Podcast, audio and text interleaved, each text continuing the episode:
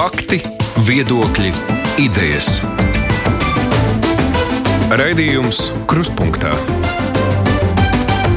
ar izpratni par būtisko. Aizsmeļamies Tamsānas studijā. Līdz šim uz lielo interviju pirmdienās tik jaunu sarunas partneri vēl nebija aicinājis.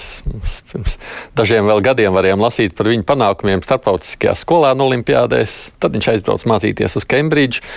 Nu, viņš ir atkal šeit. Izmācījies epidemioloģiju, imunoloģiju, izvēlējies darbu slimību profilaks un kontrolas centrā. Tiesa, cik noprotams, tā ziņa par jaunā vakcinācijas biroja izveidi viņu ieinteresēja. Alga arī noteikti lielāka. Tādēļ nu, viņš ir birojā arī darbinieks. Uh, bet nu, tur nodarbojas ar vakcinācijas procesa koordināciju.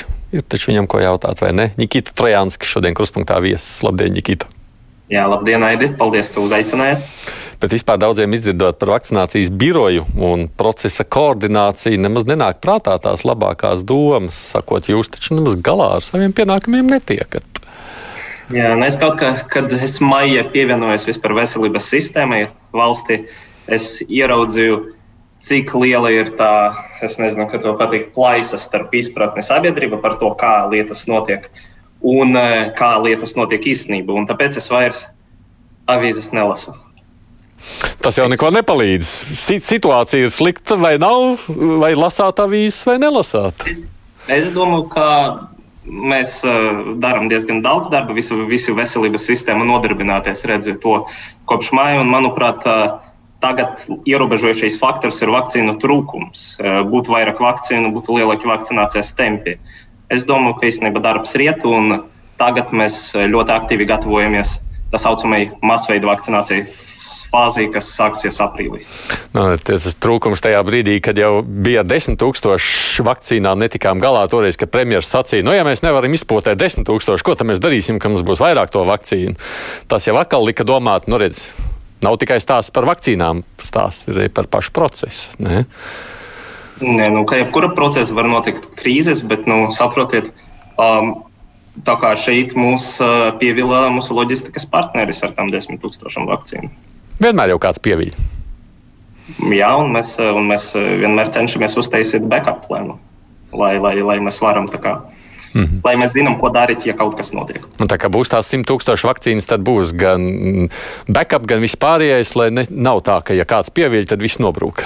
Jā, jā, pie tā notiek darbs, bet tur arī jau nenobruka. Jūs redzat, mēs eh, dienas laikā atradām vēl partnerus un izvedējām tas vakcīnas. Liels paldies tiem ģimenes ārstiem un ārstniecības iestādēm, kas bija gatavas uh, pat 11. vakarā braukt pakaļ vakcīnam, kas bija nepieciešams, jo mēs nevarējām piedienīgākā dienas brīdī atvest tas vakcīnas, jo notika krīze. Ja jūs varat mazliet iezīmēt, lai mēs zinām no klausītāja, skatītāja puses, kas ir tas savukārt jūsu pienākums birojā, ko, nu, par ko jūs atbildat? Ja, nu, es strādāju tieši zem mūsu vakcinācijas biroja vakcinācijas procesa koordinatora. Un, uh, es principā nodarbojos visvairāk ar ikdienišķu uh, vakcinācijas procesa nodrošināšanu. Es sazinos ar ārstniecības iestādēm, ar ģimenes ārstu praksēm, es iesaistos uh, cilvēku uh, pieteikumu sadalīšana pārsniecības iestādēm, kurš no mana vakcīnijas uz kuru iestādi, uh, iesaistos vakcīnu sadales procesā, uh, piedalos nākamo prioritāro grupu atvēršanas uh, plānošanā. Mm. Tad, kad ir tās cerības, nu, protams, ka ja viņas piepildīsies, ja aprīlī to vakcīnu būs, mums vajadzētu iet tālāk, jūsuprāt, raiti uz priekšu. Nebūs tā kā pa celmiem atkal. Es domāju, ka nebūs, nebūs jo mums ir uh, daudz vēlētāju, bet uh, mēs šobrīd uh, neredzam pilnu ainu par to, cik tiešām ir daudz to gribētāju, jo vēl liela daļa no cilvēkiem ir pauduši savu vēlmi vakcinēties tikai pie ģimenes ārstiem individuāli. Bet nav pietiekušies mana vakcīna.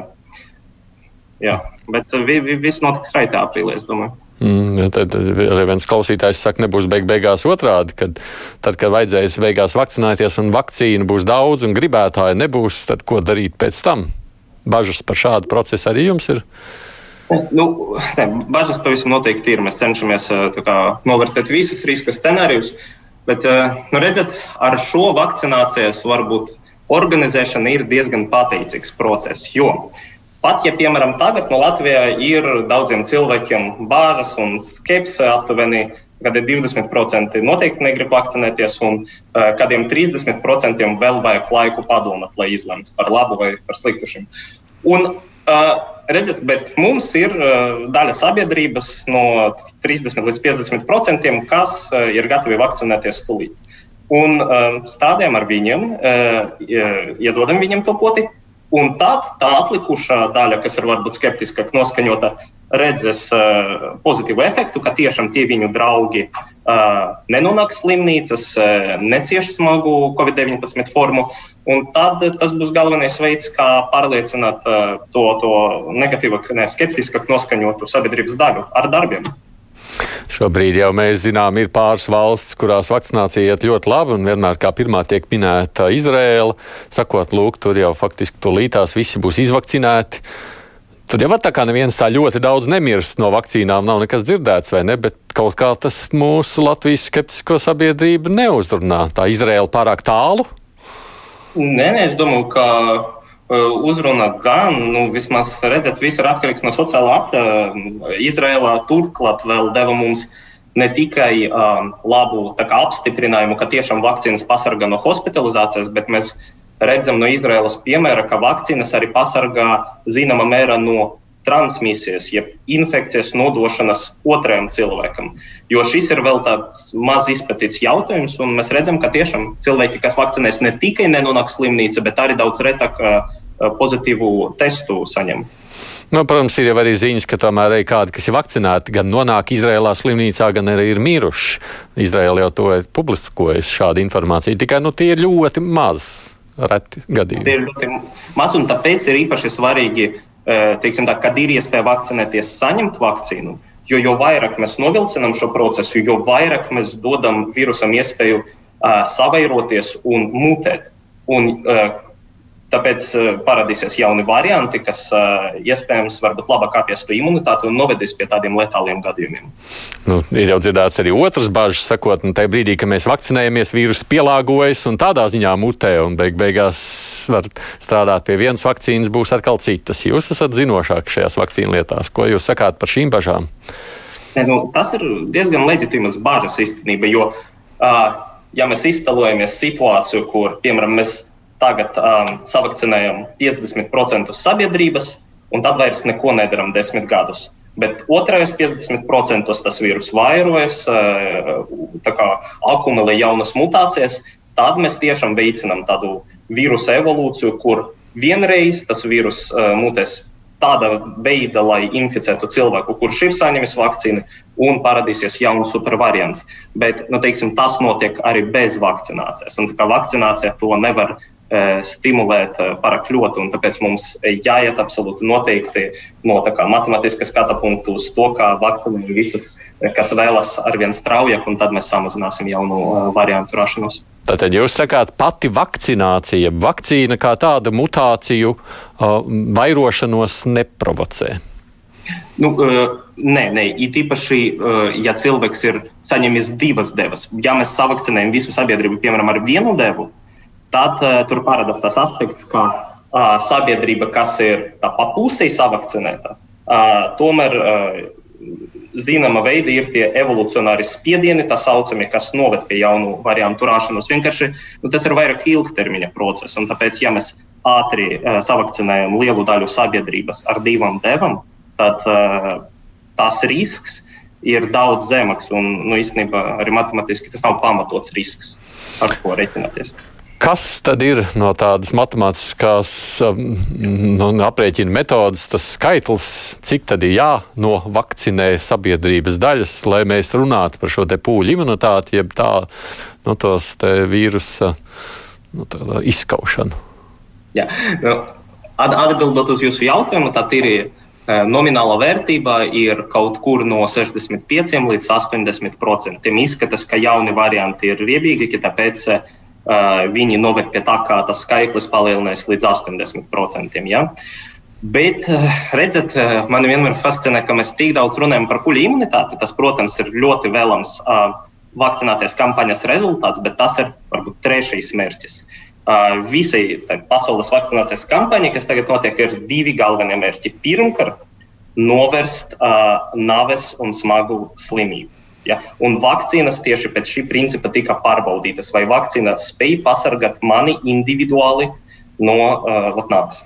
Un visas vakcīnas, AstraZeneca, Pfizer, Moderna, Johnson, visas liecina par tuvu simtprocentīgai efektivitātei šī mērķa sasniegšanai. Otrais mērķis, kas izriet no pirmā mērķa, ir uh, spējā atslogot slimnīcas. Mums, jo, jo vairāk slimnīcas ir pārslogotas, jo vairāk cilvēki nomirst. Jo nevar saņemt uh, aprūpi gan no covid slimniekiem, gan, citu, uh, gan cilvēki ar citām slimībām. Un tikai trešais mērķis šoreiz ir uh, pūļai imunitāte. Pagaidām ir tikai divas vakcīnas, kuram ir tā pētījumu ceļā. Uh, pārliecinoši pierādīta spēja novērst inficēšanu, tā ir Johnsons un AstraZeneca. O, ko tās atšķirās no pārējām? Nu, vienkārši pētījumi tika būvēti šādi. Tad, tad, kā, kā mēs pētījumu varam pārbaudīt, vai vakcīna spēj novērst inficēšanos? Tas ir AstraZeneca darīja ļoti vienkārši. Visus uh, cilvēkus, kas piedalās pētījumā, viņi divas reizes nedēļā, man šķiet, testēja ar nu, tiem pašiem testiem, ar ko testa Latvija. Ja? Un tad skatās, ar kādu biežumu savakcinētajā grupu un placebo grupa, jeb grupa, kas nesaņēma vakcīnu, uh, parādās tas pozitīvs tests. Un tad redz, ah, vakcīnas spēj uh, novērst uh, to pozitīvo testu biežumu. Savukārt Moderna un Pfizer, piemēram, neiekļāva šo savā, savos pētījumos. Jo, nu, kā jau saku, konsensus tomēr daudz svarīgāk ir novērst nāves, nevis uh, novērst pozitīvu testu. Jo nu, tas nav tik traki, ja tu uz četrām dienām gulēsi ar temperatūru. Es pats es esmu slimojis viegla formā, tas nav tik traki. Galvenais, lai cilvēki, kuriem ir vēzi, kuriem ir chroniskas slimības, neslimo smagā formā. Mm. Nu, savā laikā savukārt tika minēti tie skaitļi, vienmēr katru vakcīnu apstiprinot, kāda ir viņu efektivitāte. Un tur jau, piemēram, minējot to pašu Pfizer, tur jau tika minēta 95% un kaut kas tam līdzīgs. Ko šis nozīmē? Lai es nezinu, es tā mokas, ka, diemžēl, šoreiz mediji varbūt uh, nodarbojas ar sensacionalismu, jo, nu, principā, tie, tie skaitļi, tur 94% Pfizeram, 65% AstraZeneca, man šķiet, uh, tā ir efektivitāte, vieglas uh, slimības gaitas novēršana. Tas nozīmē, ka cilvēks, kurš ir saņēmis AstraZeneca, nomināli pēc tā pētījuma rezultātā ar 65% varbūtību, uh, pat ja inficēsies ar COVID-19, uh, necietīs nekādu simptomatisku gaitu. Bet tas jau nu nav svarīgi. Šeit svarīgi ir tā, cik labi ir vakcīna spēja novērst to nāvi un hospitalizāciju. Un tā visam vakcīnam ir tuvi pie 100%. Johnson Johnsons vienīgā, kura ir um, 85% uh, spēja novērst smagu slimības gaitu un 100% novērst nāvi. Un tas ir saistīts ar to, ka daļai, kad Johnson Johnsons izvēlējās uh, baigi tādas viltīgas valstis, kur testēt Dienvidāfriku, Brazīliju un ASV. Un Dienvidāfrika un Brazīlija ir divas valstis ar visindīgākiem variantiem. Mm. Tas, kas, protams, ir sabiedrības tajā apritē, un to jūs ļoti labi zināt, ir šīs argumenti, kurus cilvēki min, kāpēc viņi nevakcinēsies. Jūs gan avīzes nelasāt, bet es ceru, ka kādus tos argumentus dzirdat, vai ne? Bez avīžu lasīšanas. No, nu, tad ir labi. Jebkurš no šiem argumentiem neviens jums nešķiet vērā ņemams. Nu, redziet, reti ir tā, ka nekas Tur nav patiesa, bet šoreiz ir tā, manuprāt. Un es varu izskaidrot. Tātad, uh, es saprotu, ka daudzus biedas stāsti, kas parādījās pēdējo divu nedēļu laikā par uh, trombozēm, tromboembolijām, trombocitopēniem un uh, citām uh, saistībām ar asinsrīti. Nu, skatieties, es pamēģināšu tagad īsi ieskicēt, kā mēs vispār pārbaudām kaut ko tādu, vai ir vakcīnā asociēta ar trombo, nu, smadzeņu, sinu, venozu sinusu trombozes risku vai nav. Tātad. Un es, es izmantošu nu, citu met metaforisku piemēru. Iztēlojamies, ka mēs paņemam 100 tūkstošus sievietes un 100 tūkstošus vīriešus no ielas. Un tad mēs gribam paskatīties, cik vidēji daudz laika katra grupa pavada pie zobu tīrīšanas. Un, teiksim, mēs aptaujājam visus 200 tūkstošus ja, un uzzinām, ka visi pavada vidēji vienu minūti. Nav atšķirības. Bet parasti nu, pētījumos pasaka, ka nav atšķirības starp divām grupām ar 99% varbūtību. Ko tas nozīmē? Tas nozīmē, ka pastāv viens procents, ka mēs netīšām izvēlējamies tādus 100 tūkstošus vīriešus un sievietes, kā tieši viņam nav atšķirības. Bet, ja mēs paņemtu varbūt citus 100 tūkstošus, tad būtu. Tātad tas pats notika šeit ar trombozi. Mēs paņemam tātad, savakcinētus cilvēkus ar AstraZeneca un nesavakcinētus un redzam, ka nav nekādu iemeslu domāt, ka ir statistiska atšķirība tajā, cik bieži cilvēki nomirst no trombozes savakcinētajā grupā un nesavakcinētajā grupā. Tad tas, ko mēs izdarām, tie, kas nodarbojas ar pētniecību, zina, to sauc par p-hacking, ir diezgan tāds ne, nu, dīvaina lieta. Tātad, Mēs pasakām, nu labi, kā atšķiras, atšķiras zobu tīrīšanas tas, uh, ilgums sievietēm ar rīžiem matiem, kuri pēdējās nedēļas laikā nodarbojas ar jogu, un uh, pret vīriešiem tāda paša grupa rīža mati nodarbojas ar jogu. Un tad mēs pēkšņi redzam, ka sievietes, kas atbilst šiem nosacījumiem, tomēr tīra zobus drusku, piemēram, ilgāk. Un šeit tas pats. Tā ir statistikas pamatprincips. Ja mēs, jo vairāk mēs nosacījumus pieliksim, jo vairāk mēs sašaurināsim grupu, tad tīri nejaušības dēļ mēs atradīsim nosacījumus, pie kuriem vienai grupai, piemēram, palielinās tas trombozes uh, gadījumu skaits nekā otrai. Un šeit viņi tiešām atrada noteikta vecuma sievietes ar noteiktu asins recēšanas tipu, kuriem izskatās ir neliela. Uh, neliels palielinājums trombo, eh, trombus izraisītu navju. Mm -hmm. Beidošanos, un, un tam nav nekāda sakara ar zinātnē šobrīd. Protams, tāpēc, ka mēs gribam vienmēr būt uh, drošas, kā, dro, droši, mēs uh, iesakām visiem cilvēkiem vērot simptomus atbilstoši valsts aģentūras norādījumiem.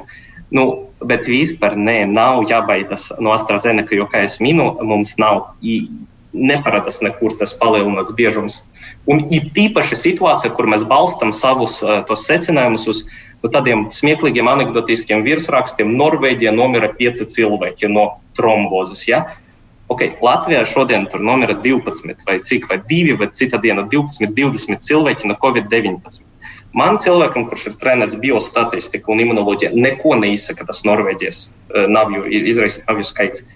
No tā es nevaru veikt secinājumus bet no mirušo Covid cilvēku šodien Latvijā skaitā es varu veikt secinājumus.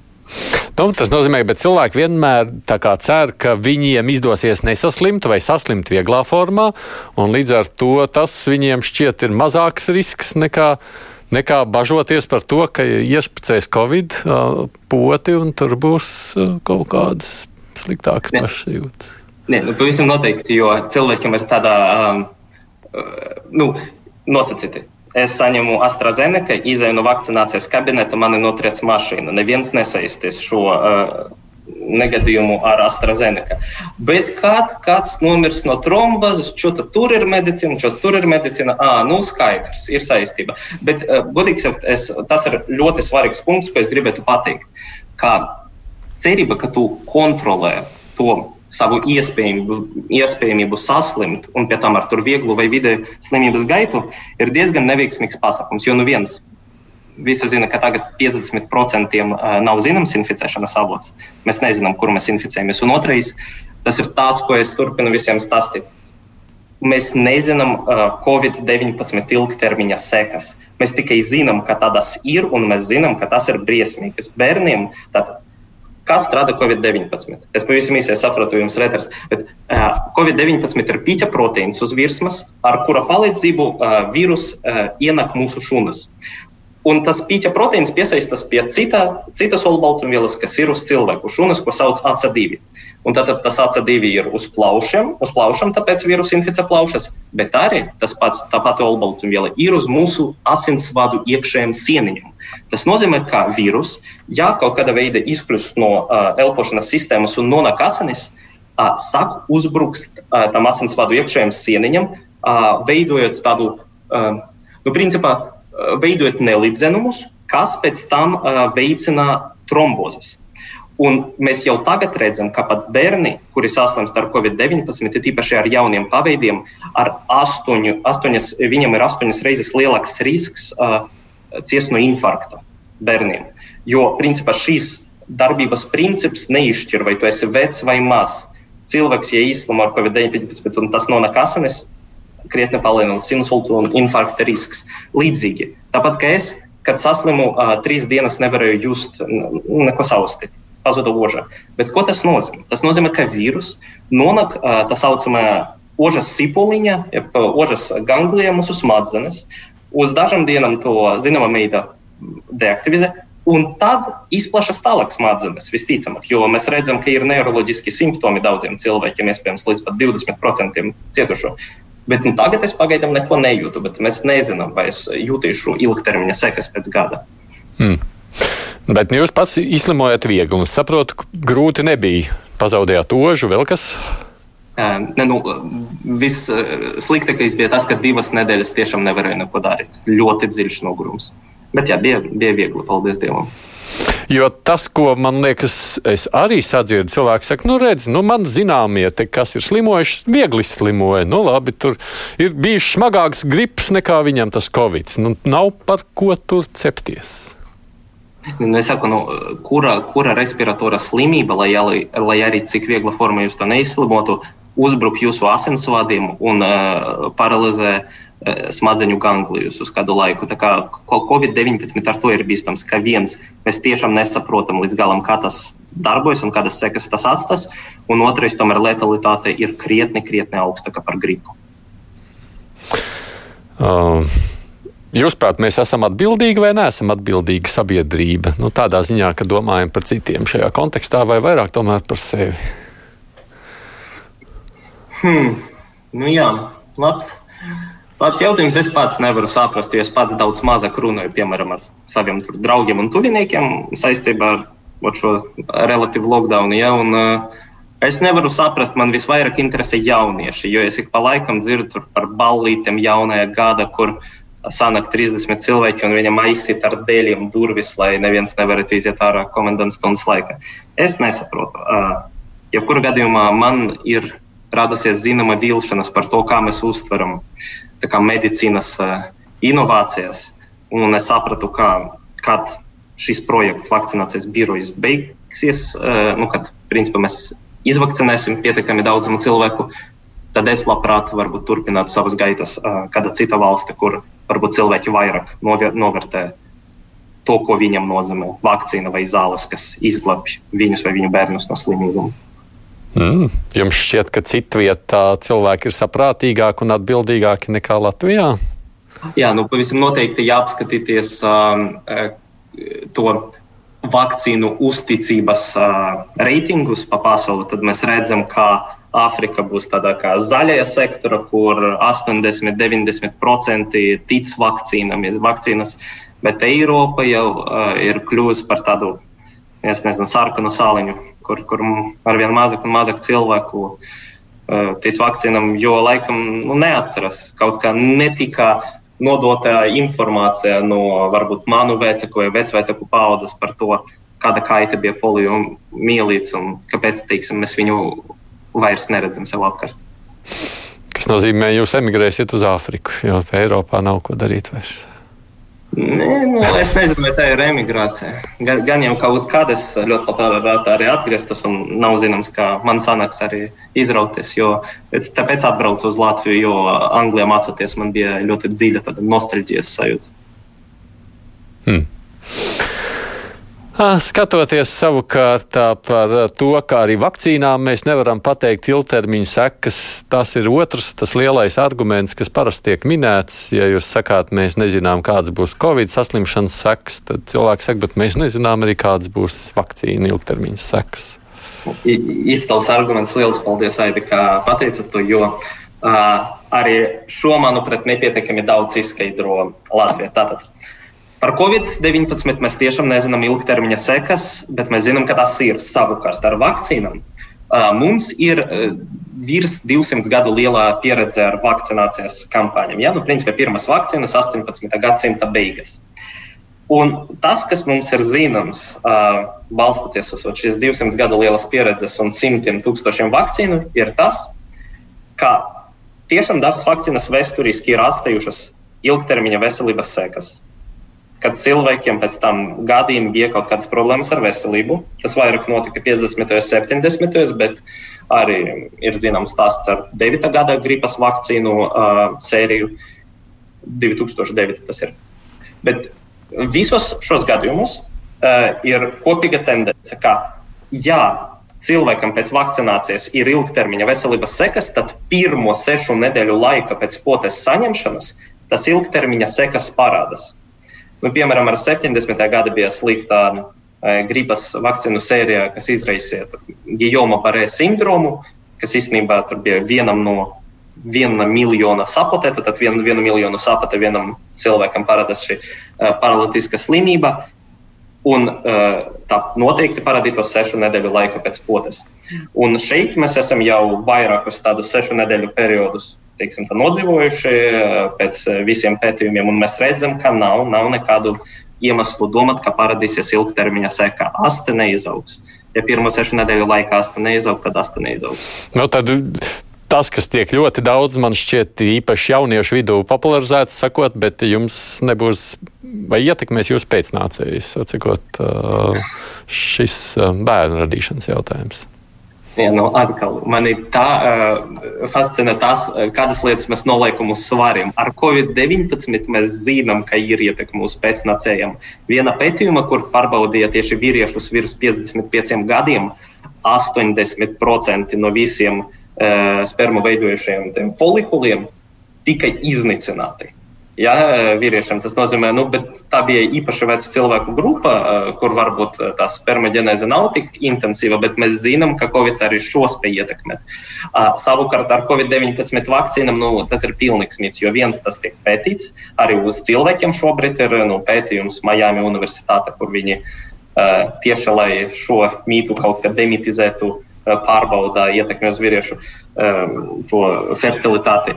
Bet vispār nu, ir, ir zināms avots, nu, nu, kā tas ir rādies. Jo viens zinātnieks bija pateicis, ka tas pīķa proteīns, pret kuru mēs taisām imunitāti, ja, antivielas, izskatās līdzīgi vienam proteīnam, kas uh, ir sieviešu placentas sastāvā. Un tātad secinājums, ka tātad imunitāte pret covid-19 uzreiz nozīmē uzbrukumu placentī. Bet Nu, viens, ne, proteīni nav līdzīgi. Otrais, a kā, a kā viņi, viņš to iztēlojas, tātad arī dabiska imunitāte pret covid-19 novestu pie eh, šīs placentāru proteīnu uh, sagraušanas. Nu, principā nekāda sakara ar realitāti šim mītam. Vēl tikai šajā AstraZenekas uh, bažu stāstā ir tā, ka visi tie pagājušās nedēļas notikumi daudz ļaudis ir ietekmējuši. Un Es Jā. esmu redzējis arī ļoti daudz tādus domājošus sabiedrībā novērtētu cilvēku ierakstus, pieņemsim, sociālajos tīklos, ka viņi saka, jā, viņi ir griboši un gatavi vakcinēties, bet ar AstraZeneca tomēr nē.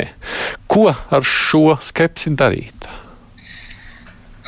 Jā, Nē, es pilnībā jūtu līdzi, jo es domāju, ka kat, cilvēks katru dienu redz trīs virsrakstus. Uh, kā kaut kāda valsts nomira desmit cilvēki. Un tas virsraksts nav ielikts nekāda konteksta, un arī rakstā netiek paskaidrots, ka no tā nemazākus secinājumus nevar veikt. Tad, protams, paliek baili. Bet nu, es tiešām lūdzu ieklausīties, viens ieklausīties ekspertos, kas skaidro, kaut vai, es nezinu, rakstiet man uz e-pasta, Nikita Trojanskis. Un otrais, nu, tomēr nu, nosveriet uz kausiem. Uh, mums ir pilnīgi kara situācija, kur tik daudz cilvēku mirst. Un jums ir informācija par Lielbritāniju, kur 11 miljoni ir rastra, ne vairāk, 50 miljoni ir AstraZeneca savakcinēti. Tas pats eh, ne, Vācijā sanāk 1,7 miljoni.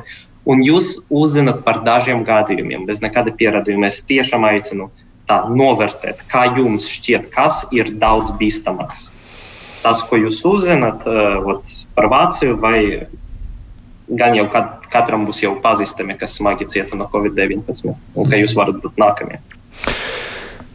Ne tik tieši tādā matemātiskā formā, bet labi, man jāatgādina. Nikita Trianskis, man te arī cilvēki daudz saka, paldies. Es droši vien nolasīšu, lai vienkārši iespējams arī tādai tālākai sarunai noder šis vai neklausos.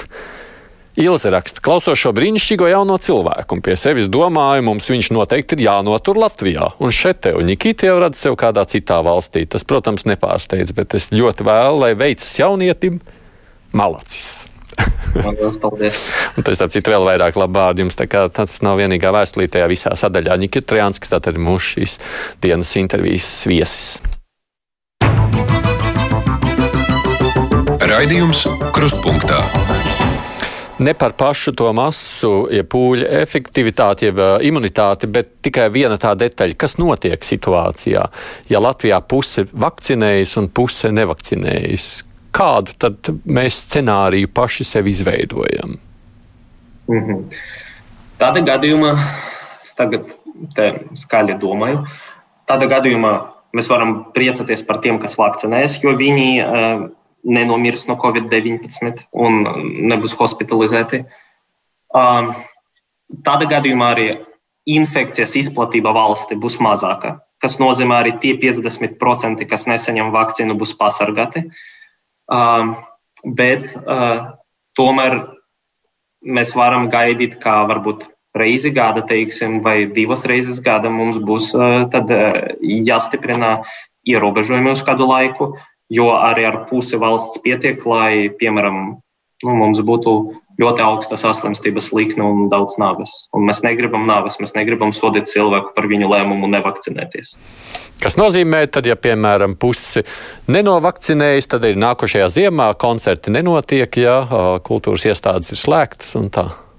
Nu, šobrīd grūti runāt par to, kāda tipa ierobežojumi tas būtu. Es vienkārši saprotu, ka no epidemioloģiskas perspektīvas Tāpat mums būtu jāpieņem kaut kādi mēri. Tā var, varētu būt kaut vai vienkārši stingrā izolācija gadījumiem un kontaktpersonu noteikšana. Tas vispār ir visefektīvākais epidēmiju ierobežošanas veids. Mm. Tā varētu būt. Covid varētu kļūt par šādu sezonas slimību, kā jums pašam šķiet, nu, kas ir katru gadu. Jā, nu, es domāju, ka jā. Es domāju, ka jā, jo principā tas kolektīvas imunitātes koncepts uh, tomēr eh, nestrādā valsts ietvaros. Eh, tas daļai strādā, ja? bet mums arī svarīgi, lai visa pasaule ir zināma kolektīva imunitāte.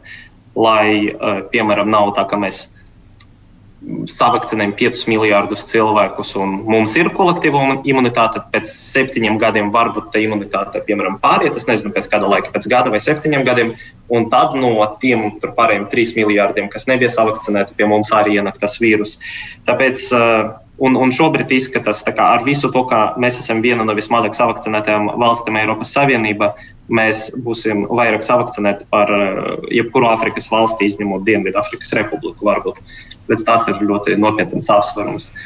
Tāpēc es domāju, ka tā varbūt kļūs par uh, mierīgāku infekciju. Pat tagad katrā ceturtās augstēšanas, uh, kas ir, ir koronavīrusa izraisīta, vienkārši tas ir cits koronavīrusa paveids. Ja? Uh, un iespējams, ka tas koronavīrus, ar kuru mēs slimojam, būtu viegli, tas sezonālais jau daudz gadus.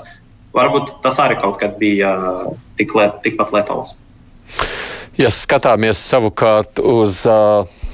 Nē, man doma pazuda, kamēr es klausījos jūsos, gribēju uzdot jautājumu, un pazuda doma, kad mēs zināsim, cik ilgi vakcīna uh, darbojas. Nu, proti, kas būs tas izmērāmais, kā mēs varēsim spriest, kad jāvakcinēs ir atkal atkārtot. Nu, e, šeit ir tas uh, galvenais. Es nezinu, nu, galvenā problēma ir, ka jāpariet laikam, lai mēs varētu novērtēt ret retrospektīvi. Ja tagad ir kopš masveida vakcinācijas sākšanas, uh, ir pagājuši tikai trīs mēneši, nu, pasaulē, par pasauli runājot. Ja? Tas, kas mēs tagad redzam, ka vakcīnas izraisa noturīgāku un stiprāku imunitāti. Un Tas nozīmē, ka nekā dabiska infekcija. Dabiska infekcija izraisa varbūt imunitāti, kas jau pēc pieciem līdz deviņiem mēnešiem sāk pāriet lēnām. Piemēram, es pats arī inficējos no cilvēka, kurš, kurš jau bija inficējis līdz šim dubultinfekcijas gadījums. Bet um, vakcīnas tātad mēs varam gaidīt, ka ilgāk par pieciem līdz deviņiem mēnešiem, bet nezinām, vai vajadzēs revakcināciju pēc gada vai kaut kā tāda. Nu tas laiks jāiet, lai to varētu spriest, tā es arī saprotu. Kad jūs bijat, nu, tā kā Covid, kad vēl nebija, bet jūs studējāt pats Kembridžā, nu, man te saka, tad jūs savā bakalaura darbā esat rakstījis, ka jūsuprāt nākamā epidēmija visticamāk būs saistīta ar koronavīrusu. Tiešām tā ir? Jā, jā. Uh, tas ir mans mīļākais stāsts, jo es veltīju savu uh, bakalaura disertāciju tieši tam, kā varētu izskatīties nākamā pandēmija. Un es visvairāk uh, mācījos uh, no ebolas. Uh, epidēmijas, kas varbūt man izraisīja tādu interesi pret tieši Āfriku un epidēmijām. Un tur es uzrakstīju, ka nākamo pandēmiju izraisīs vai nu gripa, bet vai nu pat visticamāk koronavīrus. Kāpēc es šo gribu izcelt? Jo Es atceros, kad Mārta sākās pandēmija, tad bija daudz to teoriju, ka varbūt šo vīrusu izveidoja kaut kāda laboratorija Ķīnā. Nu, nav ne mazāk iemeslu tā domāt. Zinātniskajā sabiedrībā jau vis, visiem bija skaidrs, ka mēs zinājām, jo bija vairāki projekti, kur cilvēki gāja pa džungļiem, Dienvidu Austrumāzijā, Afrikā un vienkārši ar tādu pašu kociņu smadzenē, jeb nazofaringiolu testu, bakstē tur tīģeriem, sikspārņiem, viskaut kam un skaties, kādi ir vīrusi tajos dzīvniekos. Un tad mēģināja novērtēt, kad ir iespēja, ka šis konkrētais vīrus vienā dienā varēs ielikt, pārlikt cilvēku populācijā. Mēs ieraudzījām, ka koronavīrusi ir visbagātākie un daudzveidīgākie uh, tajā dzīvnieku visuma universā. Mm kas uh, lika domāt, ka kādā brīdī agrāk vai vēlāk tas tā varētu būt. Bet kas tieši šajā koronavīrusā ir tas īpašais, kāpēc tieši tas varēja tik, uh, nu, nu, nu, kā jūs teicāt, būt tik daudzveidīgs un šādā veidā izplatīties? Nu, nu, tas jau ir sarežģītāks jautājums, jo daži vīrusi tiešām lēni mutē, piemēram, tā vakcīna pret poliomielietu vai masalam, ja, kas mums bija izgudrota pirms 60 gadiem, iedarbīgi joprojām, vai ne? Mēs neslimojam ar masalam, savukārt tāpēc ir grūti izveidot vakcīnu pret HIV, gripu vai koronavīrusu, jo ir zināms mutācijas biežums. Koronavīruss, paldies Dievam, ir viszemākais no tām trim nosauktiem vīrusiem. Principā vīrusi mutē Un uh, kaut kādā varbūt pirms tūkstošiem gadu notika. Es pat nezinu, kā to latviešu nu, sauc, laikam, filoģenētiska šķelšanas, kur izveidojas jaunas koronavīrusu dzimtas. Un kāpēc tieši ar šo vīrusu notika tā, ka viņš ielieca mūsu populācijā? Tas tiešām ir vairāku sakritību uzslaņošanas, jo Nepareizs nepareiz sikspārnis bija saķerts, nepareizu sikspārni varbūt tāpēc nepareizs cilvēks, kuram bija īpaši vāja imunitāte. Un tieši ēda tajā dienā, kad vīrusi vēl dzīvoja tajā sikspārnī. Pēc tam tas cilvēks varbūt bija īpaši sociāli aktīvs un inficēts tālāk. Un tā kā šo visu procesu uzslaņojums noveda pie pandēmijas. Bet nu, kādreiz taču mēs tiksim galā ar šo un aizmirsīsim, vai ne? Zin, jā, es, es vakar klausījos tāds ļoti cienījams doktors Fauci, kas vada Amerikas procesu. Viņš teica, ka visam pandēmijam pienāk beigas. Ja? Nu, šoreiz es, es ne līdz galam redzu. Es, man nav vīzijas, kā pienāks tās beigas. Visvairāk, ko, ko es fantāzēju, es domāju, ka tiešām vīrusu varbūt pielāgosies un būs mazāk letāls. Es neredzu, kā mēs šo vīrusu varētu iznīcināt, līdzīgi kā mēs to izdarījām ar bākām. Ja? Nu, tā kā tā. Bet kaut kad tā, tam vajadzētu beigties. Vismaz beigsies tas acīm redzamas sekas, nāves. Nu, varbūt arī medikaments atradīsim. Tomēr galu galā taču pret noteiktām slimībām mēs strādājam, lai atrastu zāles, ar ko ārstēt. Ne? Jā, jā, šai ziņā ar koronavīrusu baigi lēni sokas. Jā. Mm. Uh, bet, nu, Jūsuprāt, cik ilgi jāgaida līdz nākošajai epidēmijai? Ja būs jau atkal droši vien, ne? Kā nu, vidēji, uh, varbūt agrāk tas bija reizi desmit gados, tagad tas vairāk iet uz reizi septiņos, astoņos gados, jā, jo mums bija trešajā gadā pirmais koronavīrus, 8, 9 gada, 9 man šķiet, jā, gripa, 13. gada parādījās cits koronavīrus, un tagad šīs. Es, jā, un ebola, protams, 14. un 16. gada. Arvien biežāk un biežāk. Jā. Jūs pats esat krievs, ja pareizi saprotu, pēc tautības. Jā. Patērējat nu, kaut cik to informatīvo lauku, teicāt, avīzes nelasāt, bet nu, tomēr gan krievu, gan latviešu valodā. Jā, jā ne, pavisam noteikti. Es esmu jā, dziļi ieintegrēts tajā krievu informatīvajā laukā. Kurā pusē, jūsuprāt, ir vairāk vai skepses vai dezinformācijas? Un vai ir kādā vai krievu vai latviešu tajā informatīvajā laukā vairāk? Jūsuprāt, tīri subjektīvi. Runājot par koronavīrusu. Runājot par koronavīrusu, jā. jā. Nu, Redzat, jā, Krievijā šoreiz, diemžēl, kā daudzas lietas, Krievija uztvera kā saciksti. Arī vakcīnu izstrāde uztvera kā saciksti, un tā rezultāta, protams, ja tu gribi būt pirmais, tad nu, tev jānostādās pret otro un trešo. Ja? Un tāpēc baigi daudz tomēr informācijas no Krievijas nāk par Pfizer un Modernu kaut kādu nekvalitāti. Ja? Man šķiet, AstraZeneca viņi mazāk uzbruk, tāpēc ka Sputnik V ir ļoti līdzīgs AstraZeneca. Jā, bet uh, Moderna un Pfizer viņi mēģina diskreditēt. Tas, protams, ir slikti un tas ietekmē. Bet uh, nu, es saku, Latvijas mediju pēdējās nedēļas mani stipri neiepriecina, jo es neredzu, kā cilvēks var saņemt kvalitatīvu informāciju no tiem virsrakstiem un rakstiem, piemēram, par trombozi. Bet iespējams, tā ir mūsu kļūda, ka eksperti varbūt ne tik aktīvi komunicē ar, ar medijiem, un mums nav izveidojis tāds dialogs. Uh, bet zinot, kas ir interesanti, tomēr daudzas valstis var redzēt, ka tā preference, kuru vakcīnu cilvēki vairāk grib vai mazāk grib, ir tieši saistīta ar to, ko lasa. Jo neticēsiet, Lielbritānijā AstraZeneca ir ļoti mīlēta vakcīna, un cilvēki daudz labāk izvēlas AstraZeneca nekā Pfizer. Jo nu, Lielbritānija, kā jau uh, laba diža impērija, ja, viņi mīl visu to, kas ir ražots mājās, kā AstraZeneca. Uh, kaut kādu iemeslu dēļ, kad pie mums rakstē, ka AstraZeneca nav domāta 65 gadniekiem un vecākiem, Lielbritānija tieši vecie cilvēki intensīvi potēja AstraZeneca un negribēja Pfizer. Um, nu, tas par to liecina. Un starp citu, Aidi, tāds ekskluzīvs materiāls stundu pirms mūsu intervijas no. iznāca. Uh, uh, sen ilgi gaidīts pētījums no ASV, kur ASV pirms apstiprināt AstraZeneca, viņi gribēja, lai ASV teritorijā notiek AstraZeneca drošības un efektivitātes pētījumi, un ir ļoti daudz sološi rezultāti. Uh, ka viņi neatrada nekādas drošības uh, risku, ne ar trombozi, ne ar ko citu. Un efektivitāte ir 79%, jebkādu slimību novēršana un 100% smagu slimību novēršana. Nu, ņemot vērā, ka jūs sakāt, protams, ir katrā vietā savs tas informatīvais lauks, kas ietekmē vienus. Nu, par Lielbritāniju nerunāsim, bet nu, Latvijā šajā gadījumā, pieņemsim, Krievijas iespējams vairāk ietekmē Krievijas mediju lauks. Latvieši, nu, to, ko jūs teicāt, kas jūs neiepriecina. Vai vajadzētu, jūsuprāt, to stratēģiju, kādā veidā uzrunāt cilvēkus uz vakcinēšanos, arī līdz ar to atšķirīgu, krieviem citādu, latviešiem citādu? Nu, jā, es par to esmu runājis, jo vispār es sākuma vakcinācijas birojam pievienojos, ka tieši komunikāciju cilvēks. Un beigas tika izlemts eh, komunikāciju būvēt uh, vienādu gan krieviem, gan latviešiem. Ja? Uh, nu, redziet, jo nu, starp Krieviem ir vairāk izplatīta tā vēlme vakcinēties ar Sputnik V, bet starp latviešiem tā arī ir gana liela. Vispār Sputnik V ir visizplatītākais, nu, laikam, vispopulārākais sanāca pēc kaut kādas aptaujas. Pat populārāks par Pfizer, kas nu, atkal nav, nav nekādas faktos balstīts. Sputnik ir laba vakcīna, tāpat kā visas trīs. Nu, tā vismaz izskatās. Pārējais, kas mums Latvijā ir apstiprinātas.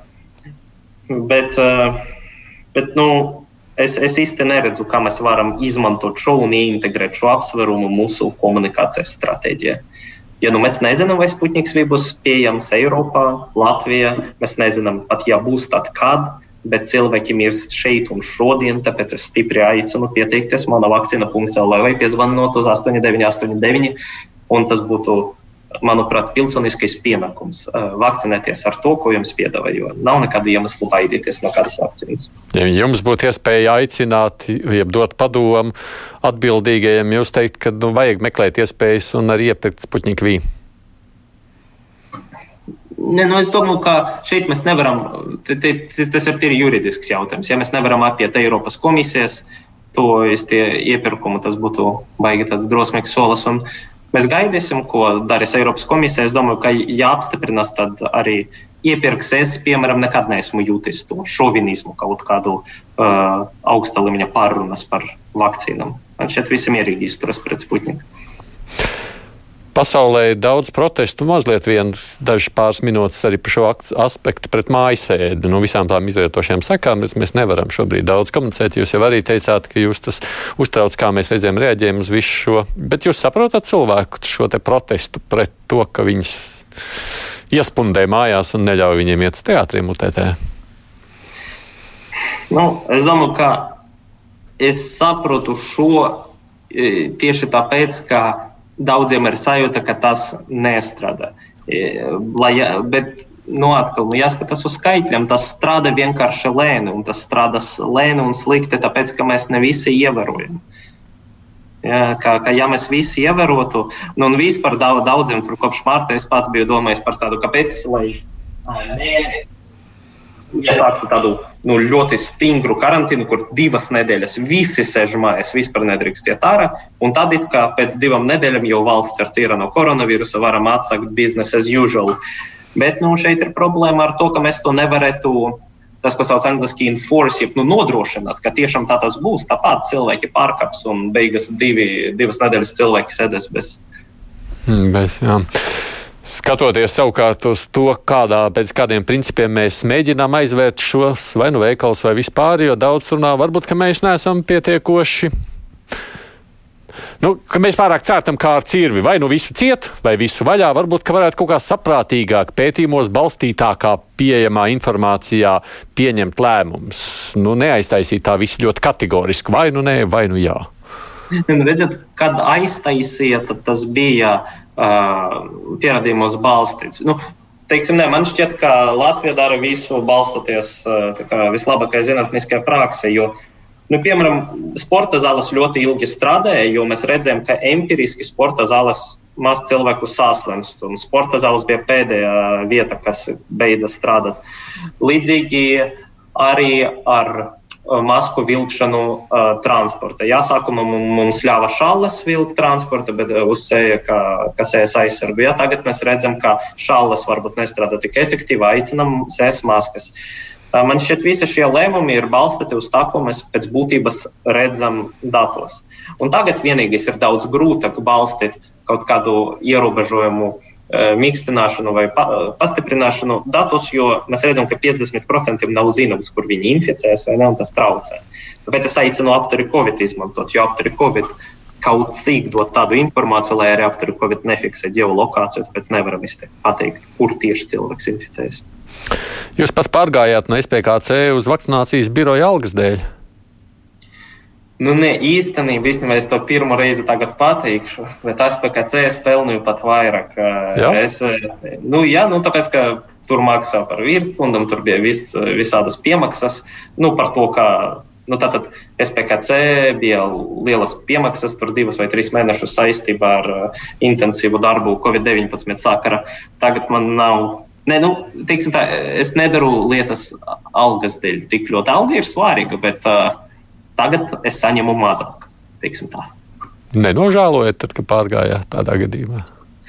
Nē, nenožēloju, nenožēloju, jo šeit tomēr man ir tāds atbildīgāks uh, darbs, nu, vismaz es tā to izjūtu, un man pašam ir interesantāk.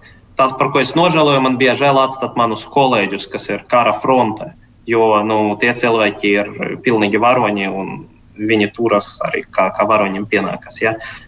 Par šo man ir žēl. Un man, jā, Ir tā, ka jūs tagad tiekat iekļaut ministrijas struktūrā, nevis kā atsevišķi birojas. Es nezinu, tas ir radījis kādu vilšanos, vai tam nav nekādas nozīmes. Nu, nē, nē, īstenībā mums, kā es saprotu, likvidēja, jā, un mēs tagad kļūsim par Nacionālo veselības dienesta struktūru. Es tajā birokrātijā neiedziļinos. Bet, nu, nē, es, es iepazinos ar daudz, jo līdz šim es zinu tikai SPKC kolēģus, tagad es zinu veselības ministrijas, NVD kolēģus, un man ir iespēja novērtēt uh, nu, kādi ir tie cilvēki. Jo es arī strādāju, esmu strādājis ANO Ženēvā, un tur es redzēju varbūt vienus no pasaules cilvēkiem, kuriem ir iedota vislielākā atbildība, vislielākais mandāts pasaulē. Un es redzu, ka Latvijā arī netrūks, netrūks profesionāļu, kas labi tur slodzi, kas pieņem tādus kvalitatīvus krī, krīžu lēmumus. Kādas ir jūsu ambīcijas, ko jūs gribētu dzīvē izdarīt vai pats sasniegt? Diena, redziet, es daudz par to domāju. Man, man šķita, ka nu, vajag kaut kāda pozitīva veida ietekmēt pēc iespējas vairāk dzīves. Ja? Un sapratu, ka politika varbūt nav, nav tas drošākais veids, kā to izdarīt, jo var arī kādam kaut ko sabojāt.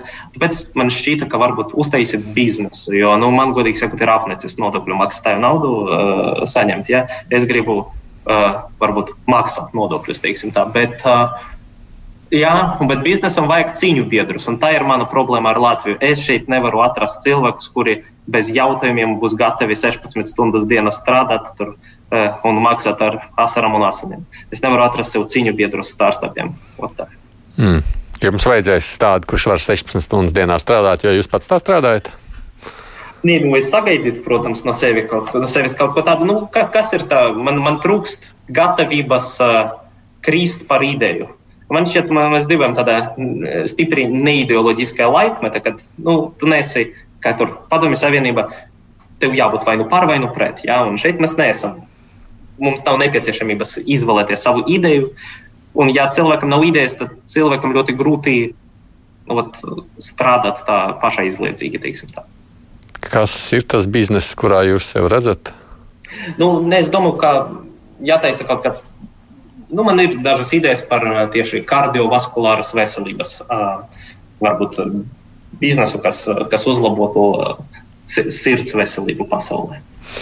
Nu, jūs esat jauns cilvēks, un par jauniešiem arī vairāk cilvēku raksta priecājās par to, ka ir tādi jaunieši kā jūs. Jūsuprāt, kādi ir mūsu mūsdienu jaunieši? Viņi ir gatavi izsisties pasaulē, iet uz priekšu, kaut ko darīt, lai dzīvē sasniegtu. Kāds ir jūsu priekšstats par saviem vienaudžiem? Nu, ot, nu, par to arī runāju, ka tagad uh, nu, šo paudzi, kas varbūt mana un pa dažiem gadiem jauna, kas sauc par jau apatijas vai tādu zudušo paudzi, ka nu, mūsu ideja ir komforts. Tāds, tāds mēs esam jau īsti kapitālisma bērni. Astoņas stundas dienā, tur mājās uh, virs vai sieva un, un tā. Nu, tas, tāpēc man šķiet, ka ne, mums, mums nav ambīcijas, bet nu, tas ir ceļš uz laimi, laikam, kad tu varbūt balansē to, to darbu un, un atpūtu. Es tā pagaidām neprotu. Nu, bet sieva jau kādreiz būs. Nu, uh, nē, nu, cerēsim. Principā runājot par to, ko es gribu sasniegt ar dzīvi, es atbildēju ar to startupu. Tā man šķīta, bet tagad es esmu sapratis arī, lai nonācu pie secinājuma, ka nu, tas, tas visas ambīcijas šķiet drusku bezjēdzīgas, ja varbūt nav cilvēka, ar ko uh, dalīt uh, to prieku par sasniegto. Nu, cilvēkam jau dzīvē, protams, viss iet priekš. Jūs sev redzat, atgriežoties vispār kaut kādā veidā arī pašā SPKC, vai, vai vispār to vairs neapsverat? Nē, neapsveru. Es īstenībā ar viņiem esmu uh, aizgājis be, bez algas atvaļinājumu uz gadu no SPKC, ar varbūt cerību atgriezties. Bet nu, tagad es saku, skatīsimies. Es esmu ļoti pateicīgs SPKC vadībai, ka viņi ir atļaujuši man to izdarīt. Un es domāju, ka mani ceļā respektīvi noteikti sakrustosies nākotnē. Nikita Trojānsks mums šodien cilvēks. Nu, es nezinu, kā lai es jūs pat atsaku šajā reizē. Drīzāk entuziasts, kurš pašlaik darbojas vakcinācijas birojā, studējis Kembridžā, mācījies imunoloģiju, epidemioloģiju, redz iespēju dzīvē izdarīt vairāk nekā ir izdarījis līdz šim, lai jums izdodas. Jūs Paldies, Aidis! Un paldies klausītājiem. Jā, paldies. Vēstules ir daudz. Tās, lai arī paliek, es varēšu novēlēt, nosūtīt varbūt vēlreiz kādreiz citreiz, bet, kā saka Kolts, paldies par interviju. Bez slēptām politiskām lobby interesēm, veiksmi jums profesionāli un arī veiksmi privātā dzīvē. Jā, paldies. Producenti mums ir Revija Junām, studijā bija es arī Aidis Tamsons.